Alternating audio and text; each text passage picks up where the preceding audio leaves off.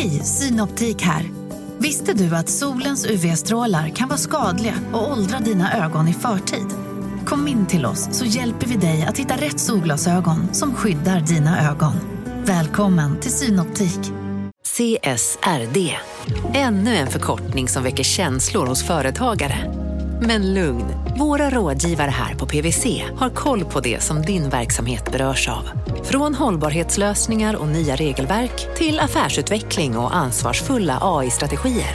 Välkommen till PWC. Ja? Hallå? Pizzeria Grandiosa? Ä Jag vill ha en Grandiosa capriciosa och en pepperoni. Något mer? Mm, kaffefilter. Ja, Okej, okay. ses samma. Grandiosa, hela Sveriges hempizza. Den med mycket på.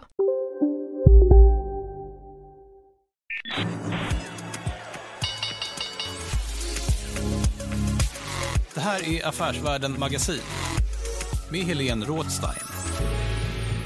Hej och hjärtligt välkommen till podden Affärsvärlden Magasin. Jag heter Helene Rådstein och nu sitter jag här med Jakob Bursell från Monopol Media. Välkommen! Tack, hej! Du, vi håller ju på att lyssna på en serie om Mats O Sundqvist. Mm. Och eh, hur ska vi beskriva vem han var? Ja, men han var ju den här otroliga karaktären och profilen från Jämtland som tog Stockholm och Stureplan och den svenska finansmarknaden med storm i, i början av 2000-talet. Och sen så rasade alltihopa olyckligt eh, och det slutade väldigt tragiskt, ju, ska vi säga, utan att kanske säga för mycket om hur allt gick till. Men eh, en sann profil i svensk finanshistoria. Det är Åsa Secker som har gjort den här dokumentären då i två delar. Om ni har missat det så lyssna på del 1 som sändes förra veckan. Det måste man göra för att annars så förstår man inte riktigt här del 2 som kommer. Och det är verkligen värt att lyssna på det här för det är också en sedelärande historia också kring risker samtidigt som det är fint porträtt av en entreprenör tycker jag. Mm, verkligen. Och, och, det är också en inblick i hur, hur hårda tag det kan vara i, i finansmarknaden. Men eh, vad har du tagit med dig av det här? Ja, men en sak som eh, jag tycker är väldigt intressant i den här serien som jag har tänkt på ända sedan den sändes i Kapitalet första gången. Det är hur eh, ensamt det kan vara om man inte kommer från en familjedynasti i Stockholms finansvärld.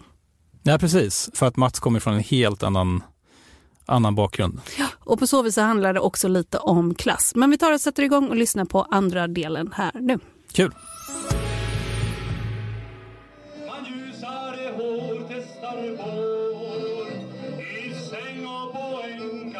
Sven Ivan Sundqvist har plockat fram dvd-skivor med inspelningar av sin kusin Mats O Sundqvist.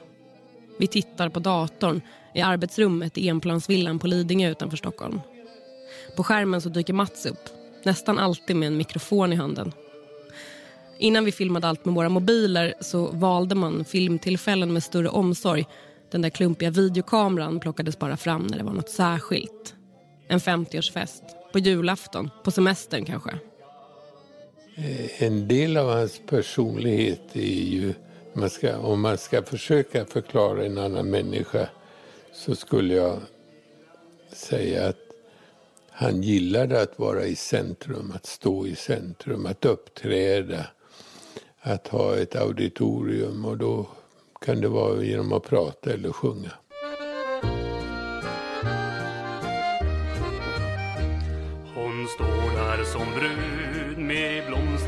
Skrud Jag fylldes med... Mats och Sundqvist älskade att sjunga. Han älskade att uppträda. Han älskade det så mycket att han 1998 tog ett sabbatsår från affärerna och började plugga klassisk sång på Birka folkhögskola. Lärarna på Birka minns honom som glad, ödmjuk, öppen för att lära sig nya saker. Men de minns också att han aldrig hymlade med att de här musikstudierna bara var en ursäkt för att få ta en paus. En paus från en tillvaro som snurrade snabbare och snabbare. Hans sångröst hade utvecklingspotential, säger en av lärarna till mig på telefon. Men han hade behövt öva mer. Och det var kanske inte hans starka sida. Den 1 november 2007 så sitter Mats vid pianot på Dagens Industris första sida något år senare så sitter han vid ett annat piano hemma hos sin kusin Sven-Ivan när det börjar skaka under fötterna på miljardären från Jämtland. Det erinrar mig situationen när han sitter hemma hos mig och spelar piano. Det är 2008. kurserna faller på börsen så ringer det på telefonen. Han slutar spela piano, tar telefonen och lyssnar på vad jag förstår då är mäklaren på Carnegie. Och så börjar han spela igen och sen säger han som en pratbubbla ur munnen, där rök en miljard till. 2007 har Mats varit bäst på börsen. Värdet på hans portfölj har stigit med hela 26 procent. På två år har han köpt aktier för 4,2 miljarder kronor. Det mesta med lånade pengar, säkrade med aktier. Och det går bra. Det går jättebra. Så länge som börsen går bra. Men det gör den såklart inte för alltid.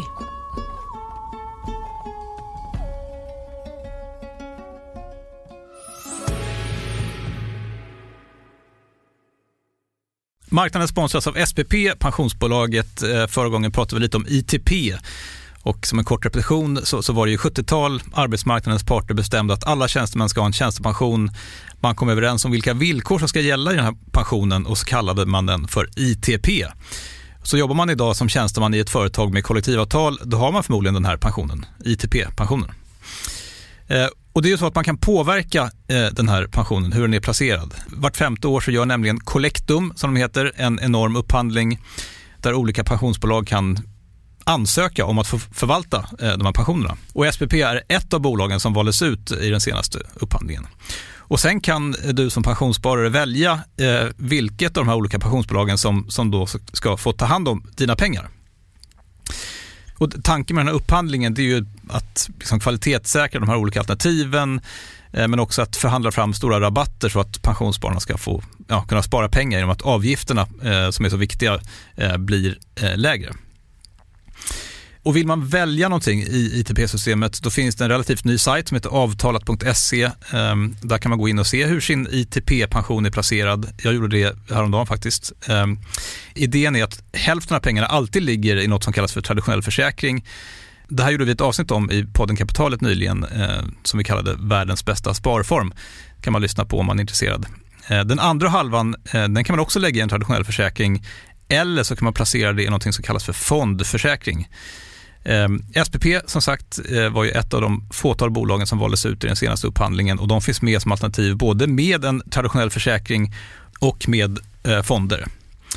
Så det var en liten bakgrund till ITP-systemet. Vill man läsa mer om det här eller typ kolla hur ITP-pensionen är placerad, eh, kanske göra förändringar, då går man in på avtalat.se Eh, men tack säger jag till SPP som vill göra oss människor mer medvetna om hur enormt viktig pensionen är för oss som en framtida lön, men också som en positiv kraft i samhället eh, och förstås för att ni möjliggör eh, den här podden Marknaden. Peter Benson är chefredaktör för tidningen Affärsvärlden. På 00-talet så jobbade han på Dagens Industri och på Börsveckan. Han hade koll på börsen kan man säga. Och 2007, ja då händer det något med världens börser? Ja, men det som händer i världen är ju att att dels börjar det krackelera i USA kring den här, man pratar om subprime, alltså att man har lånat ut alldeles för mycket pengar till människor som är helt hopplösa på att återbetala och de har köpt stora lyxkåkar fast de är i princip arbetslösa. Och, och, så har man lurat varandra och tyckt att det här var en bra grej. Så att, så att bostadsbubblan i USA eh, börjar först pysa ut och sen så, så smäller det. Liksom. Och det där eh, drar även med det där får även liksom återverkningar i Sverige. Eh, och sen så finns det en annan eh, eh, viktig sak då och det är att den här råvaru, det här råvaruracet, att man liksom tänkte att det liksom höll på att ta slut på råvaror och de skulle vara så värdefulla. Det de, där synar man korten också och det visar sig inte stämma. Traders say this is the craziest day they have ever seen in these markets. We're down 9% today. The Zetrodax over in Frankfurt is down by 9. Eh, och sen så det som är, blir det verkligt läskiga då är när banksystemen i mycket USA men även Europa då när de visar sig vara shaky, att det är liksom fullt med dåliga lån för att eh, det slutar nämligen, det visar sig nämligen att de som har finansierat den här de här dåliga lånen i USA. Det är ganska mycket europeiska banker, dumt nog. What started in America last year has now spread to every part of the world. i slut som sitter med Svarte Petter så att säga. Det är jättemånga som förlorar pengar men, men eh, och då, då skakar hela finanssystemet i hela världen egentligen och särskilt då i, i ekonomier med, med, med ganska stor finanssektor. Eh, exempelvis Sverige. Det kanske inte är helt självklart hur dåliga amerikanska bolån kan få hela det globala finanssystemet att skaka. Men grejen är att de där lånen som amerikanerna har tagit de har på massa omvägar delvis finansierats av bland annat europeiska banker. Och då blir alla jätteoroliga. Det kanske även är en svensk bank som har varit med i det här. Sitter vi också med jättedåliga lån? Eh, sitter Danske Bank med dåliga lån? Sitter den och den? Och så alla sitter och tittar på varandra och undrar vem sitter med Svarte Petter? Och man anar att det inte bara är en Svarte Petter utan det finns liksom halva kortleken är Svarte Petter. Eh, och då blir det liksom en skräck som är delvis befogad och delvis bara skräck för skräcken. Eh, och, och då, då kommer det här, liksom, de här fruktansvärda så att säga, dagarna i, i, i finanshistorien där liksom man befarade att liksom hela, hela, hela skiten, om man får säga så i den här podden, höll på att gå liksom bara haverera. För att ingen vågar göra någonting med någon annan. Det finns inget förtroende kvar och hela vårt ekonomiska system bygger liksom på förtroende ganska mycket. I Mats O Sundqvists fall så var det väl ganska uppenbart för alla eller många att, att den här killen sitter sannolikt med jättemycket lån. Och, och då blir ju han... Det blir som när du spelar kort återigen, då, att alla vet att han sitter med minst en Svarte Petter. Mm. Och då blir han också väldigt... Eh, han blir liksom dubbelt sårbar där, för att alla vet att ska vi göra affärer med Mats och Sundqvist, då ska vi antingen ha jättebra villkor eller så ska det vara jättemycket hängslen och livrem och då blir det blir som en liten peststämpel mm. som är jättesvår att ta sig ur. I takt med att börserna rasar så krymper värdet på Mats aktieportfölj. Portföljen som har varit säkerhet för lånen som han har tagit för att kunna köpa mer aktier. Vännen och rådgivaren Peter Thelin, den frispråkige före detta fondförvaltaren, förstår att den där höga belåningen kommer att bli ett problem. Saker som är gamla kan man ju berätta om. Vi, det var, vi var uppe i Jämtland på en tillställning, Mats och jag. Och jag var på honom som 17 på förmiddagen. Kommer ihåg vi äter frukost i Åre tillsammans på bageriet där. Och det här är nog 2008 eller något sånt, 2007 eller något sånt där. Och då sa Mats, fan du måste göra någonting. Det, det kommer att få ett helvete om du inte fixar din skuldsättning. Det är alltså, du, du, måste bara, du måste sälja av. Du, ja, ja, men jag, jag, jag har en plan här. Att, då, ja, kan komma det sen, men jag har en plan. Jag vill inte sälja av någonting. Ja, och sen ska träffas vid lunch och sen, ah, nu har jag sålt eh, en miljon SCA-aktier. Ja, vad bra, så jag. Jag sålde dem från bolag till mig själv, säger han då. ja, och, och det, ja, det var mindre bra. Men då hade han belåningsutrymme på sig själv men inte på bolaget. Ja. Han hade ju egentligen, hans, han hade nog en, en, en plan är fel att säga, men han hade i alla fall en tanke som att han han skulle, som, han skulle vara långsiktig när han var på börsen, han var långsiktig med Hexagon. Nu, nu hade han börjat köpa aktier i SCA, Skanska och i Industrivärden. Och att det skulle som, han skulle liksom bli hans nya. Mats säljer inte. Eller han säljer för sent. Han och Carnegie, ska sägas, väntar så länge som till sommaren 2008 innan de säljer av aktierna i Hexagon. Det är överlägset största innehavet i Mats portfölj. Lånen som han har tagit för att köpa de aktierna de kommer från flera håll. Men den bank som har tagit större risker än andra det är Carnegie. Det finns regler som säger hur mycket man som bank får låna ut till en enda kund i förhållande till hur mycket kapital banken har. Överskrider man den gränsen så har man en så kallad otillåten exponering. Carnegies lån till Mats är en otillåten exponering vid tre tillfällen sommaren och hösten 2008 enligt deras egna beräkningar. Och det vet de om. De tvingas till och med informera Finansinspektionen. Och banken förstår att de måste göra något för att komma ner under den där gränsen. Och sommaren 2008 så gör de en sak som ska bli väldigt omstridd. När Mats först blir kund hos Carnegie 2004 så öppnar han inte bara depå för sig själv utan också för sina tre barn. Han går i borgen för depåerna och har fullmakt att göra vilka affärer han vill med pengarna.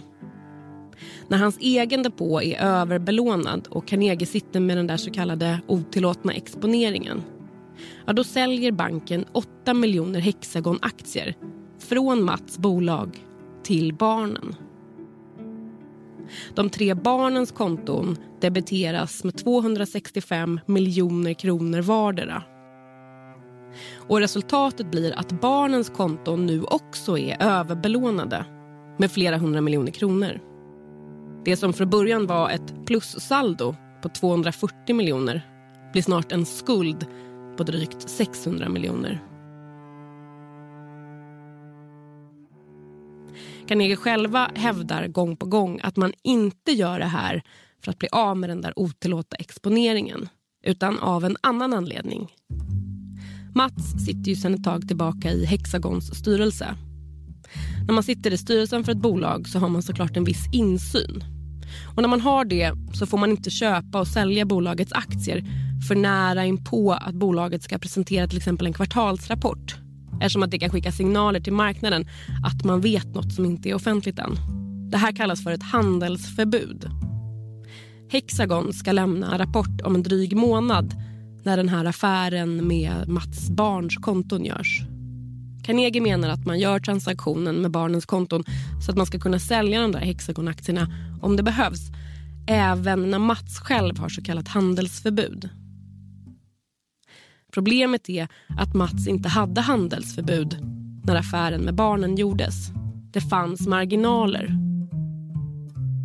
Mats själv hävdar våren 2009 att han blev informerad om transaktionen med barnen efter att den redan var gjord. Jag ställdes inför faktum, säger han till Dagens Industri. Carnegie kommer också hävda att man uppfattade att Mats och barnens konton inte skulle redovisas tillsammans utan separat och alltså inte räknas som en enda exponering. Men Mats har ju både fullmakt och är borgenär för barnens depåer. Så i Finansinspektionens ögon så ska hela familjen Sundqvist räknas som en exponering. Och det där spelar stor roll för beslutet som Finansinspektionen fattar i november 2008. Här är dagens Eko kvart i fem. Banktillståndet dras in för Carnegie. Staten tar över. Vi har idag haft styrelsemöte i Finansinspektionen och där hanterat frågan om en sanktion på Carnegie. Där fattades beslut om att dra tillståndet för Carnegie. Christer, det här är väl minst sagt ovanligt? Ja, det saknar nog motstycke vad gäller just att man har en bank eller investmentbank som då har tagit så stora risker och eh, misskött sig på det sätt mot regler och gällande då, krav på en bank. Så att då ryker tillståndet nu. När staten har tagit över så blir det ett dotterbolag till Carnegie som heter Valot Invest med vd Arne Berggren i spetsen som får i uppgift att reda ut den här röran med Mats och Sundqvist och en del annat. Vi kommer till det. Och fram till dess kan man säga, då, då hade Mats problem var hanterbara till tillståndet ryker. Eh, och då var inte jag så engagerad i det där. Utan då hade han inte som, då, då, jag visste att han hade problem. Men han hade som inte berättat för mig om det på det sättet. Men när tillståndet ryker, då sätts ju allt på ända. Och då måste han göra någonting. Och, eh, och då, då frågar han mig om hjälp. Mats vänder sig till personer som han litar på. En av dem är Peter Tellin. Miljardären och barndomsvännen Dan Olofsson är en annan. De träffas på kusin Sven-Ivans kontor på Kammakargatan. Där får de låna ett rum. Han frågar vad ska jag göra, hur ska jag göra, hur ser de på det här och den här skuldsättningen och, vad, ska jag, vad, vad, tycker, du, vad tycker du jag ska göra och sådär. Så att han var väl hos Carnegie varje vecka och gick igenom alla sina tillgångar eh, för att han då skulle, som, de skulle ha koll på vad han gjorde. Och sen var det bara som när tillståndet förlorades, ja då, då skulle Mats bort. Då skulle man avveckla Mats så fort som möjligt. Ja, jag deltog i väldigt mycket av de här diskussionerna inte, inte, inte, alltså ganska, nej, jag deltog inte, men jag deltog i diskussionerna med Mats vad som kunde göras. Utan det var nog, man kan nog säga att Dan Olofsson deltog väldigt aktivt i diskussionerna och jag deltog utåt sett och jag deltog inåt sett i diskussionerna om vad, man, vad som var skäligt att göra. Man, alltså Mats hade ju hamnat i en situation som han var överbelånad och, och, och då, då är de reglerna som gäller. Eh, och eh, sen var det en fråga om som då, vad är tillgångarna som då inte är noterade, vad är de egentligen värda? Och där hamnar man i en diskussion då som att fastighetsbolaget då som, som låg som pant där, hur, hur, skulle man värdera det? Och det var mycket sånt som då var. Och Mats ville ju dra ut på tiden. Han hade hoppats att, eh, att börskurserna skulle gå upp och att det här skulle lugna ner sig och då skulle allting vara frid och fröjd. Och sen så tyckte ju då Carnegie att det här tog för lång tid. Eh, och eh, då så hotade ju de med att sätta Mats i personlig konkurs. Eh, och auktionera ut. Och då har klockan hunnit bli 21 minuter i åtta. God morgon, ni lyssnar till P1 Morgon. Investmentbanken Carnegie kommer att aktionera ut finansmannen Mats O Sundqvists holdingbolag Skrindan som lämnats som pant på miljardlånet. Det blev klart igår efter att Sundqvist och Carnegie inte kunnat komma överens om hur Sundqvist ska betala tillbaka lånet. Och min uppfattning var bara att vi måste lösa det här innan. Och jag är osäker på om det var det bästa rådet. Det har jag funderat på länge. Man kanske skulle ha låtit dem gå. Och sen hade det blivit en juridisk process omkring det här. Eh, men det var inte, det var, det var inte, jag tyckte det var en dålig lösning. Utan då fick man då en vecka på sig för att förhandla fram en lösning då som skulle göras. Och eh, det gjordes då på den här veckan. Och sen skulle avtalet skrivas. Det kanske var åtta timmar man hade på sig att skriva ett jättebesvärligt avtal. Och det var avtalet, det, fanns, det saknade väl vissa grejer då som man skulle haft med i avtalet men det, det, det, det får man ta på att det var så bråttom allt det där. Det är bråttom. Det skrivs ett avtal. Ett avtal som kanske har sina brister men det är i alla fall ett avtal. Ett avtal som gör att Mats och Sundqvist slipper aktionera ut sitt livsverk koncernen Skrindan till högstbjudande. Arne Berggren på Valet Invest har satt den 17 mars 2009 som deadline. Den 13 februari är han med i P1 Morgon i Sveriges Radio och säger så här. Varför vill ni ha tillbaka hela miljarden nu? Eh, ja, men, eh, det är ju så, vi gör ju bedömningen att Mats kan inte betala den här miljarden nu. Utan vi gör ju bedömningen att han kommer att få svårt även i framtiden att betala tillbaka den där miljarden. Det är därför vi, vi, vi gör den här lösningen. Om ingen överenskommelse är gjord så auktioneras skrindan ut klockan 10.00 i Salénhuset den 17 mars. Och måndag den 16 mars, när klockan närmar sig midnatt, ja, då ska avtalet skrivas på i sista stund. De träffas i ett konferensrum på ett advokatkontor på Hamngatan i Stockholm. Lokalerna är vackra, stuckaturer i taket. Men stämningen i rummet är elak, säger Peter Thelin. Det tar bara en halvtimme eller så. Avtalet är ju redan klart. Det är bara underskrifterna som saknas. Runt bordet sitter förutom Mats och Peter även Mats dotter Anna-Karin, Mats advokat, motpartens advokat och så Arne Berggren. Jag tyckte det var jävligt sorgligt. Det var som, då gick någonting i graven. Det var som, och Mats han var, ju, han var lika glad ändå. Alltså, alltså utåt sett så var han, ja. Vad gjorde ni Ja, klockan var, det var ju mitt i natten alltså. Mats och Anna-Karin gick hem och jag åkte hem till Södertälje. Ja. Ja, men det var, så, det var, det var, för, det var en enormt sorglig kväll tycker jag. Vad sa Mats? Han sa ingenting. Det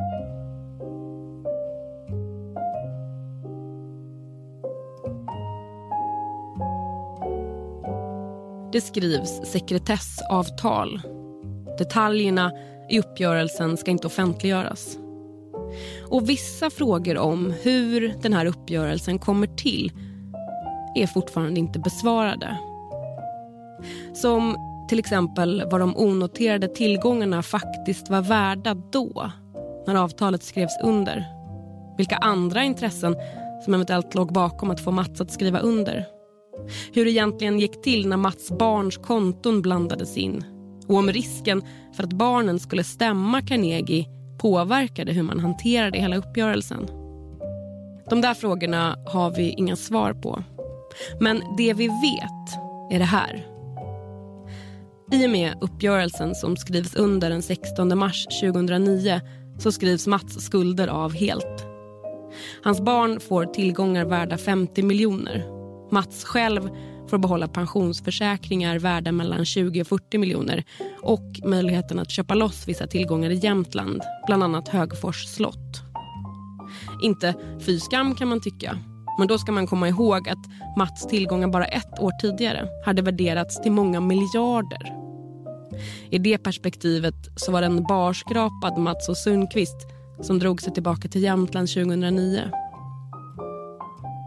I andra änden av uppgörelsen så ser det däremot snabbt ljusare ut. Riksgälden tar över Carnegie i november 2008.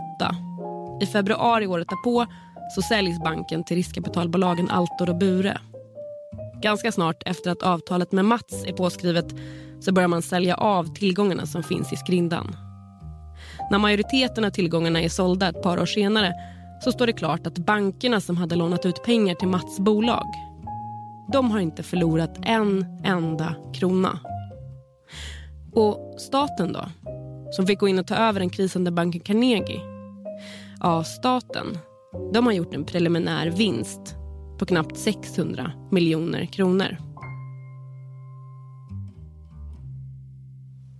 Jag vet inte. Jag, jag, jag, jag, är osäker på om man tog Mats på det allvaret som man skulle, man skulle göra. Eh, att man såg honom som en uppstickare, eh, risktagare. Jag tycker man, det genomsyrade också hur, hur man hanterade honom när det blev bekymmer. Att det var inte riktigt att hade man som varit en etablerad finansfamilj som hamnade i de här bekymren då hade det då hanterats annorlunda än om, som det ju blev med Mats. Han stod väldigt ensam där. På vilket sätt hade man gjort Nej, men man, han hade ju ändå en säkerhetsmassa som man kunde diskutera. Eh, och som, som, en, som en finansiell institution skulle kunna ställa sig bakom att det här var okej. Okay. Men, men det var det inte med Mats. Utan, han kom lite från ingenstans? Han, kom, han, han var inte en del av etablissemanget. Mm. Det, det, det är min tolkning. Så jag valde ju att då jobba jättemycket med Mats för att försöka hjälpa honom så mycket det gick under det här året som det var för ett halvår det kanske var frågan om.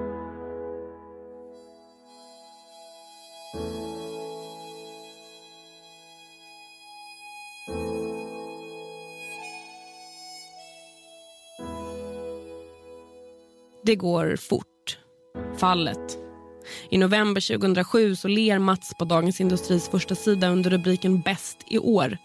Aktieportföljen värderas till över 11 miljarder. Ett år senare så har rubrikerna en helt annan ton. Guldgossen som sänkte Carnegie. Han spelade bort en miljard. Vad var det som hände egentligen? Hur kunde det gå så långt? Varför sålde inte Mats innan det var för sent?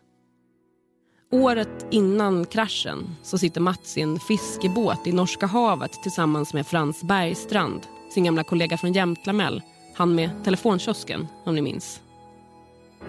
De jobbar inte ihop på sågverket Jämtlamell längre, det har sålts vidare något år tidigare. Frans Bergstrand tycker om att hänga med i världsekonomin. Han gillar att läsa nyheterna. Och de här subprime-lånen i USA som har börjat knaka i fogarna, ja, de oroar honom.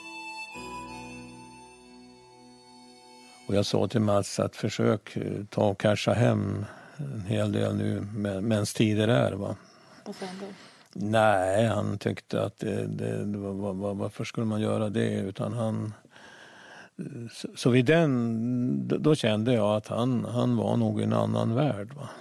Och, kände du inte igen? Eller? Nej, jag kände inte igen honom. På, på, all, på, inte, inte alls alltså. Att då hade det gått för långt. Och, eh, Hur mycket pressade du honom i det då? Ja, men vi, vi satt ju och räknade ut hur mycket han var värd i brutto. Det var väl en 15-20 miljarder.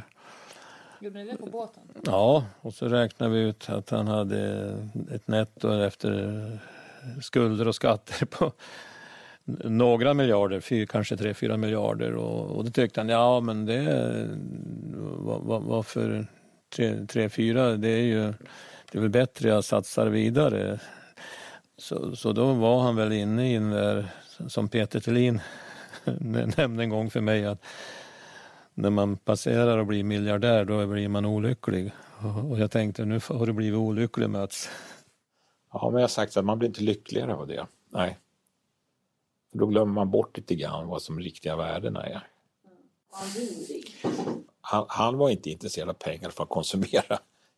Eh, han var nog inte intresserad för att åka hem och räkna hur mycket pengar han hade heller.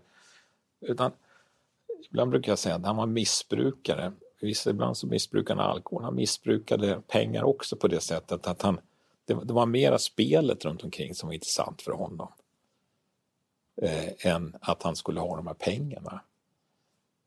Så pengarna i sig var inte intressant, men just det här med att sätt som Ja, ja, ja som att, jag, jag tror han var mer intresserad av tillgången som han ägde. Han gillade tillgången som han ägde. Så att jag tror att, jag tror faktiskt så här i efterhand, och det har jag inte sagt tidigare, men jag tror att lite, det var lite det som då hindrade honom mentalt för att kanske sälja. Att han har haft eh, bara som handlat i aktier och inte haft något emotionellt som tanke att nu ska jag göra det här, nu ska jag göra det här. Då hade han nog kanske varit mera lätt på foten och tyckt att äh, men det där kan jag sälja, det där kan jag sälja. Det drev honom mer tror jag. Han älskade Hexagon. Ja, ja. Utifrån sett kan det ju se ut som att han är miljardär, mycket vill ha mer. Ja, nej, men det är, det är fel beskrivning av honom. Det, det är inte... Utan mer en fartblindhet skulle jag säga. Som, som, ja, det var en andra, och sen gick det vidare, sen gick det vidare. Själva händelseförlopp, alltså själva affärerna som i sig var det som, som triggade honom. Affärerna, ja. Att köpa och sälja och låna för att köpa mer. Mats hade en långsiktig plan med sina aktier. Han ville äga så mycket att han fick något att säga till om. Och han ville hänga kvar länge. Som han hade gjort så framgångsrikt med Hexagon. Och att låna pengar för att köpa mer aktier och säkra de lånen med aktier som man redan har. Det är inget konstigt med det menar ekonomijournalisten Peter Benson. I, I princip så är det absolut inget konstigt med det, men det är en fråga om grad. Det vanliga, eller liksom, om vi tar de här stora investmentbolagen som vi pratade om, Industrivärden och Wallenbergarnas Investor och sådär. De kör nästan alltid med, eller har ofta kört med belåning historiskt, men då pratar vi kanske så här 10% belåning. För man tänker att aktierna kan inte falla 90 men de kan falla 50, de kan falla 60. Liksom. Så då har man, man har en belåning, men det är en låg belåning. Eh, och, så att det är jättevanligt och, och, och, och, skulle jag säga fullt rimligt att det finns möjligheter att belåna aktier. Men det handlar om så här, vilka aktier belånar vi? Belånar vi något så här High Chaparral-bolag eller belånar vi något stort och stabilt? Och Mats och Sundqvist hade ju stora och stabila bolag så det var väl inget konstigt att de belånas. Men, men frågan är då hur mycket? Och här var det uppenbarligen alldeles för högt belånat. För liksom, belånar du uppåt så 50 procent, det kan låta lågt om man tänker sig som en bostadsägare. Så här, åh, 50 procents belåning på en bostad, det är ju ingenting. Men för aktier så är det jättemycket. Ja, men jag har ju sagt att eh, Carnegie agerar ju då i stort sett knarklangare till Mats. De försåg honom med pengarna. Så de kan ju, de kan ju inte säga att Mats fällde Carnegie. De fällde ju Carnegie själva. Det är min uppfattning och det kommer jag alltid stå för. Sen var det långivning till, långivningen till Mats som fällde Carnegie. Men det var inte Mats som bestämde över om han skulle få låna eller inte. Så det tycker jag. Han det? Eller att han är, var så benägen att ta mycket lån? Jo, men då, då kunde du säga nej vilken dag i veckan som helst. Men de var ju för intresserade också från andra sidan att tjäna pengar på, på finansieringen det är uppenbart att de har ju haft ett symbiotiskt förhållande där eh, man har hjälpt varandra och dragit jättestor nytta av varandra och att eh, Carnegie har varit eh, villiga medhjälpare till hans imperiebyggande. och lånat ut de här pengarna för då har de dels kunnat ta, ta betalt för en antagligen ganska bra ränta, kanske så olika uppläggningsavgifter och gud vet vad. Och sen så har, har pengarna använts då till att göra affärer så då får de betalt en gång till. Återigen, i liten skala så är det helt naturligt att ett bolag som Carnegie vill göra sånt här. Men, men när, när lånen blir för stora och dessutom för koncentrerade så att du liksom har halva balansräkningen knuten till en kund. Nu vet jag inte om det var exakt halva, men det var en väldigt stor del av, av Carnegies tillgångar eller nettotillgångar var ju knutna till, till bara Mats och Sundqvist och det är ju liksom inte vettigt. Mats får såklart frågor i media om det här under våren 2009. Om de stora riskerna som han har tagit genom att vara så hårt belånad och vilket ansvar som han har för Carnegies fall. Till TV4s Nyhetsmorgon säger han så här i februari. Det kan jag väl åtminstone vara, säga att det är inte jag som har sänkt Carnegie. Eh, Vem är det som har sänkt Carnegie då? ja, enligt Finansinspektionens eh, beslut så har de sänkt sig själva. Sen är det ju så här att ja, det har ju också liksom utmålats som att man är högspekulativ och, och de bitarna. Och så här bak backspegeln då kan man väl säga att ja, det var för mycket lån. Man var för oförsiktig.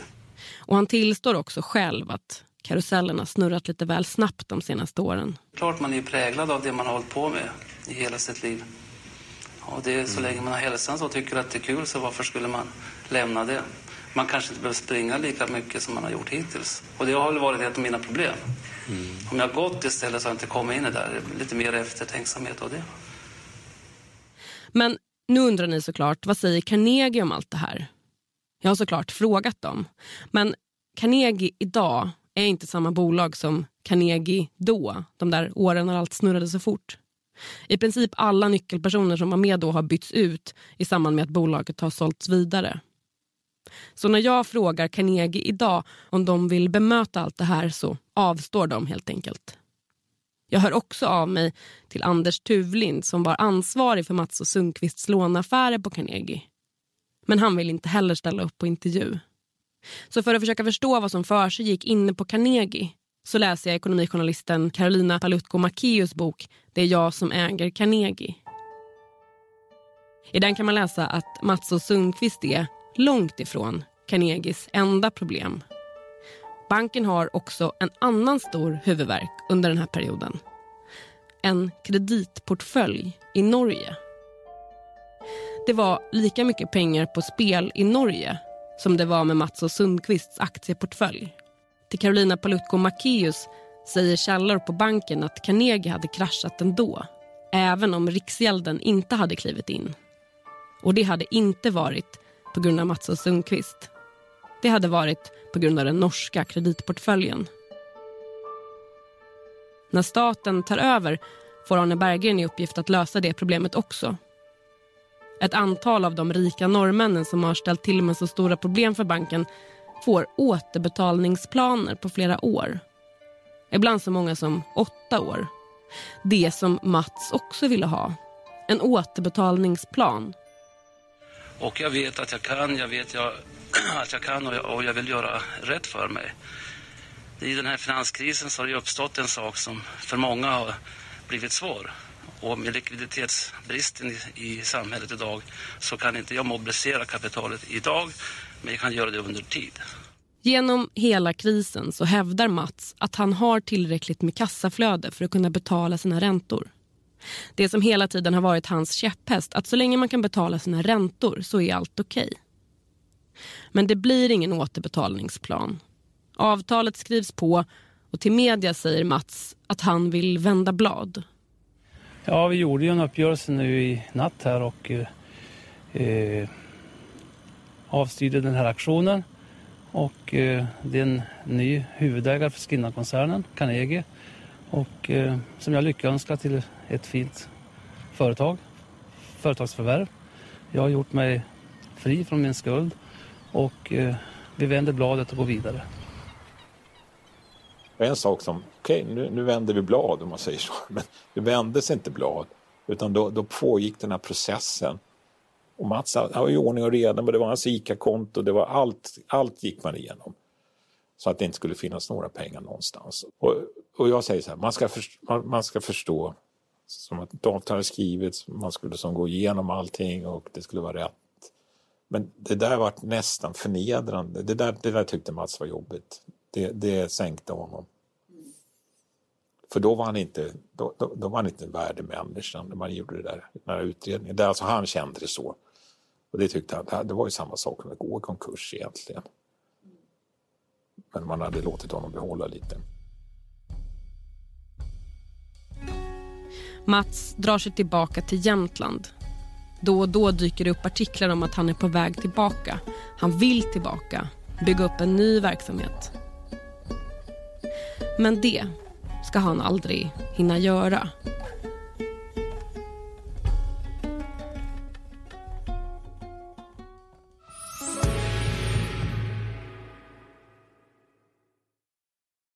Eh, marknaden sponsras av Karla. Eh, vi pratar ju en hel del om bilar här på kontoret. Eh, karla har ju skapat, skulle jag säga, det som är standarden för hur man idag köper och säljer bilar på nätet.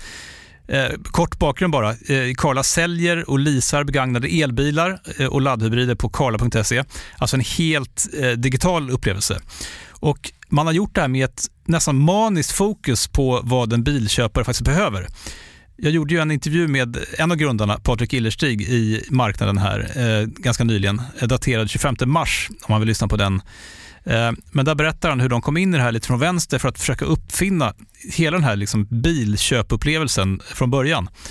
Och de har idag, vilket är rätt otroligt, 4,8 i betyg eh, på Trustpilot. Jag, jag har sett många företagssidor på Trustpilot, men det här är nog bland eh, det bästa jag någonsin sett eh, faktiskt.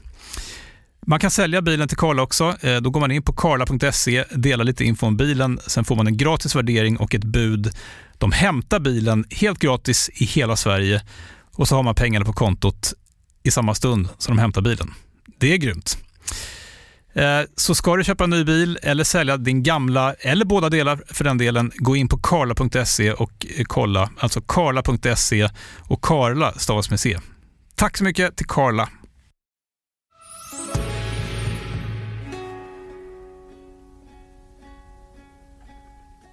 Igår förmiddag hittades Mats och Sundqvist livlös vid en fyrhjuling i närheten av Högfors slott utanför Häggenås några mil norr om Östersund. Hans liv gick inte att rädda.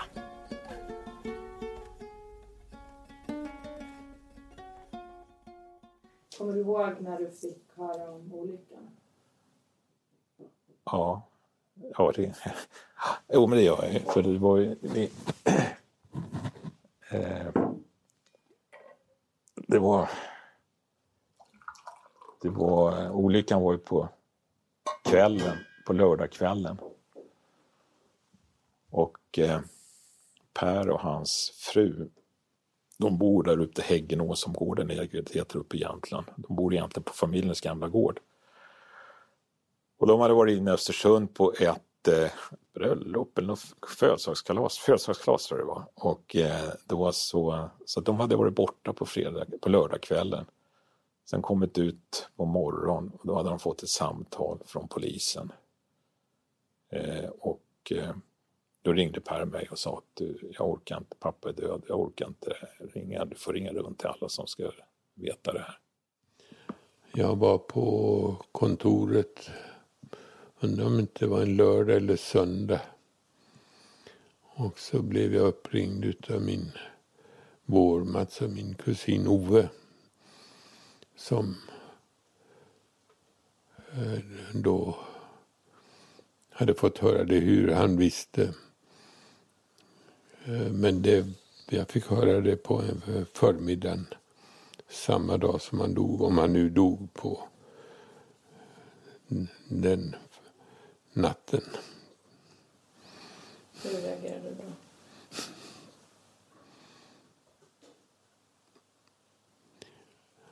Stum. Tyst.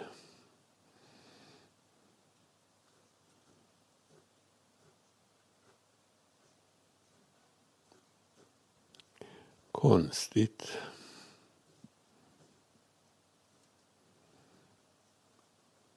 Jag har aldrig fått frågan om hur jag reagerar på en död så att jag letar ord.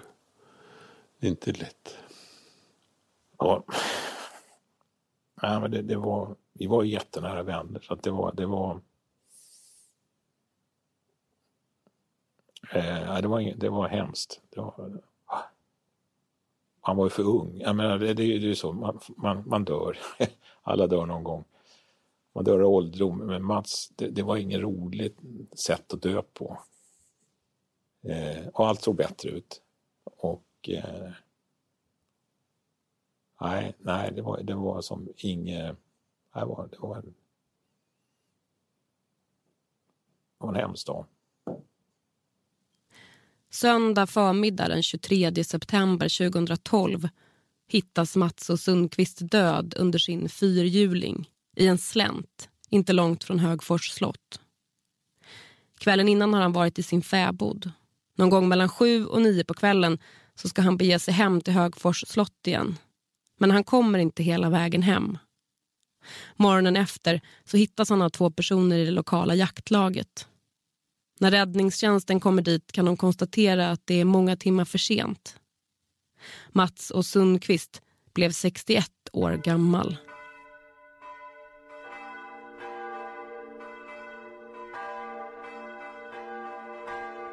Sen var det stor begravning i Östersund tre veckor senare väl.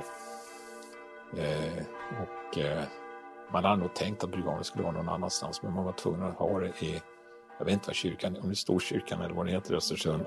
Stora kyrkan, ja just det.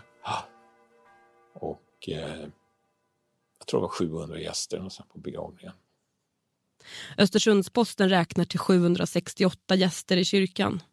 Alf Svensson är där, Ian Wachtmeister är där. Men kusin Sven-Ivan Sundqvist är inte där. Jag förstod på släkten uppe i Östersund att det skulle vara en tillställning för inte bara för familjen och vännerna utan eh, affärslivet men också bygdens son eller sådär. Jag ville inte sitta bland 700-800 människor så att jag Sven-Ivan har redan innan bestämt sig för att inte gå på begravningen i Östersund.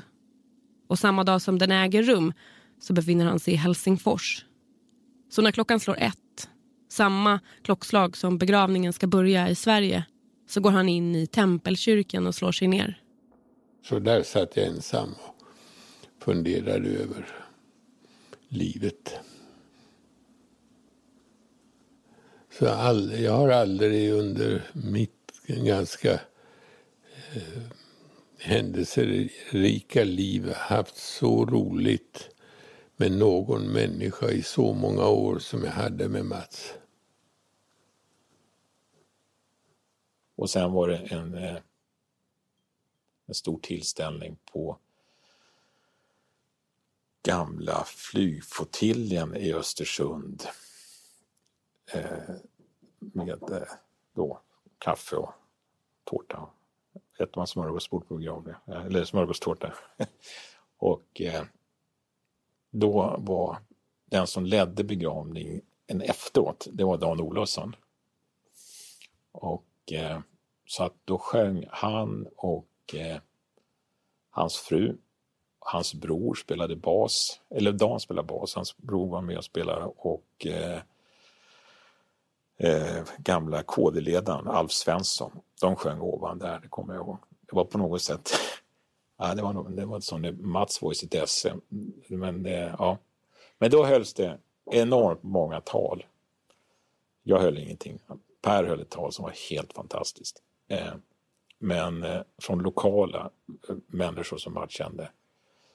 Och då insåg man ju vilken betydelse han hade haft för bygden. Jag menar, han var ju helt enorm. Så alla ville tacka honom för att han hade gjort för idrottsklubben, för han hade gjort för dem, vad han hade gjort för dem, vad han hade gjort för dem. Alltså det, det var på det sättet var det en väldigt bra begravning. Om man det finns bra och dåliga begravningar. Men det var, det var, och då, då tänkte jag, jag sa till min fru när vi åkte därifrån, fan Mats skulle ha stannat i Jämtland. Här, här uppskattades han för den han var. Det hade varit mycket enklare. Då hade han säkert levt också. Tror du? Ja, det tror jag. Ja, det tror jag. Men det var en olycka, så det är så Jo, men han levde destruktivt på slutet. Alltså efter den här 2009, den här processen. Han, det var ett destruktivt liv han hade, skulle jag vilja säga.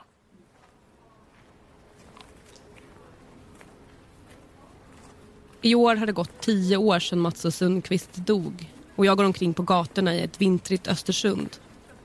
Det skrivs inga rubriker i affärspressen längre. Inte i lokalpressen heller för den delen. Men om man börjar fråga Östersundsborna vad de tänker på när man säger Mats namn, ja då kommer minnena tillbaka. Han var positiv. För? Ja, för hela Jämtland. Ja, på vilket sätt? Ja, eh, vad heter det, han var glad. Träffade han någon gång? Eller såg Ja, det gjorde jag. Han var alltid glad. Och duktig att sjunga. Det var det jag tänkte på. Stenbrottet i Marieby for vi en sommarkväll när Mats Sundqvist var Ja. där. Och sjöng? Och sjöng och uppträdde. Härlig då? charm. Ja men det är kanon. En här- Han är en här riktig, eller var, här sällskapsmänniska. Alla tiders kille. Har ni någon uppfattning om liksom vad han betydde för Jämtland som företagare? Ja, det tycker jag att han, han, han stod upp för Jämtland. Ja, det gjorde han verkligen. Han var verkligen jämtlänning. Han hade fötterna på jorden. Ja. Han hade det nog i den jämtländska myllan tror jag. Ja, ja, ja det är sorgligt. Alltså, det som Ja hände. det, ja, det var ju väldigt sorgligt det som hände. Kommer ni ihåg? Ja, Ja, visst. olyckan. Man, man tycker ju att det är så onödigt att det ska behöva hända en sån sak. Ja. Otroligt tragiskt. Han hade ju mycket mer att ge. Ja, absolut. Det hade han. Så att, eh, ja. Allt det här som var liksom med Carnegie och sådär när han blev liksom anklagad för att ha fått dem på fall. M- Minns ni? Det skrevs ju mycket om skrevs det. mycket. Ja, hur tänkte ni då? Ja, men då tänker man så här, då, sådana där gånger är det tragiskt att man är ifrån ett mindre, en mindre ort. För då blir det att alla känner alla. Så är man född och uppvuxen i storstan så kanske inte det blir lika dramatiskt för familjen. Men är man Nössesundare eller häromkring då blir det ju väldigt mycket snack. Och det är aldrig bra med snack. Det, det blir ju fel många gånger. Kom, det kommer liksom in och så ja, blir det en annan version till nästa person och så blir det de tror och de tänker och det är det. Ja, det, Ja. är, det är ju lätt att skylla på andra. Vet du vad man säger på jämskan? Vet du eller har du hört det? Förstår du vad jag säger nu? Om man vet det eller om man har Vet hört det? Eller har du bara hört det? Ja. Och på jämska säger man vet du eller har du hört det?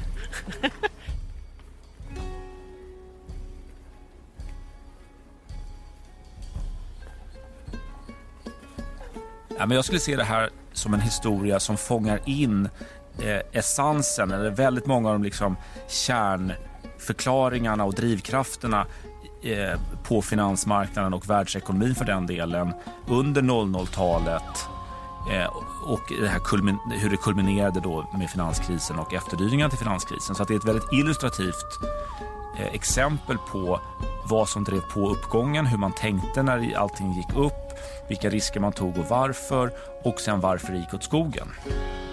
Och sen fick han bli symbolen för hur, hur det kan gå. Liksom. Ja, han blev symbolen för det i Sverige för att han var en, en, en människa av kött och blod eh, som hade det här beteendet då att ta alla de här riskerna som gjorde att han, eh, han hamnade på stupstocken. Och sen så gjorde han det då med en motpart som Carnegie som var då, så att säga, tillräckligt liten för att eh, det skulle fälla hela, de, hela den firman.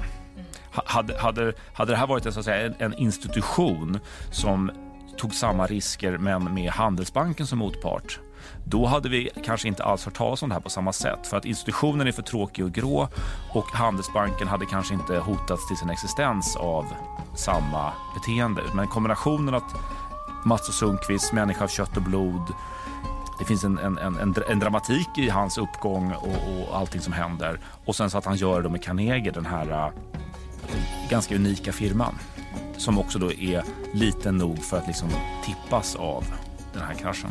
Men om man säger Mats och Sundqvist idag till eh, en ekonomijournalist eller någon som eh, rör sig i investmentbankvärlden så vet alla vem han var. Alla som var aktiva på den tiden vet det definitivt. Eh, Och om yngre förmågor inte känner till det så skulle jag se det som ett varningstecken att man har glömt bort sin historia.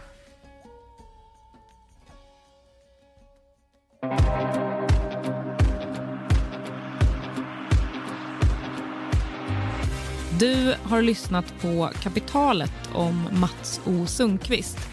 De här två programmen är gjorda av mig, Åsa Secker.